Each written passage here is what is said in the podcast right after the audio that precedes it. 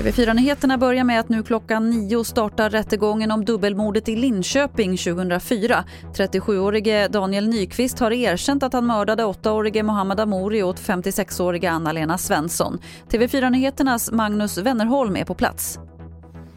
Ja, i Linköpings tingsrätt här bakom mig så kommer åklagaren idag hålla sin sakframställan för vad hon menar hände då eh, den här oktobermorgonen för 16 år sedan. Sen blir det även förhör med pappan till pojken och eh, maken till kvinnan som eh, mördades då, Daniel Nyqvist. Och mer om rättegången finns på tv4play.se så kan vi berätta att det ska införas ett nytt grönt avdrag som liknar RUT och ROT för hushåll som installerar solceller eller laddstolpar. Det här rapporterar SR. Från årsskiftet ska en del av kostnaden för solceller och laddstolpar bekostas av staten med ett tak på 50 000 kronor om året. Och vi avslutar i Ludvika där polisen fick in samtal om rökutveckling i en lägenhet nu på morgonen. Och när de kom dit visade det sig att det är en cannabisodling som börjat brinna. De utreder nu vad som hänt på platsen bland annat narkotikabrott. Ingen person ska ha skadats i branden.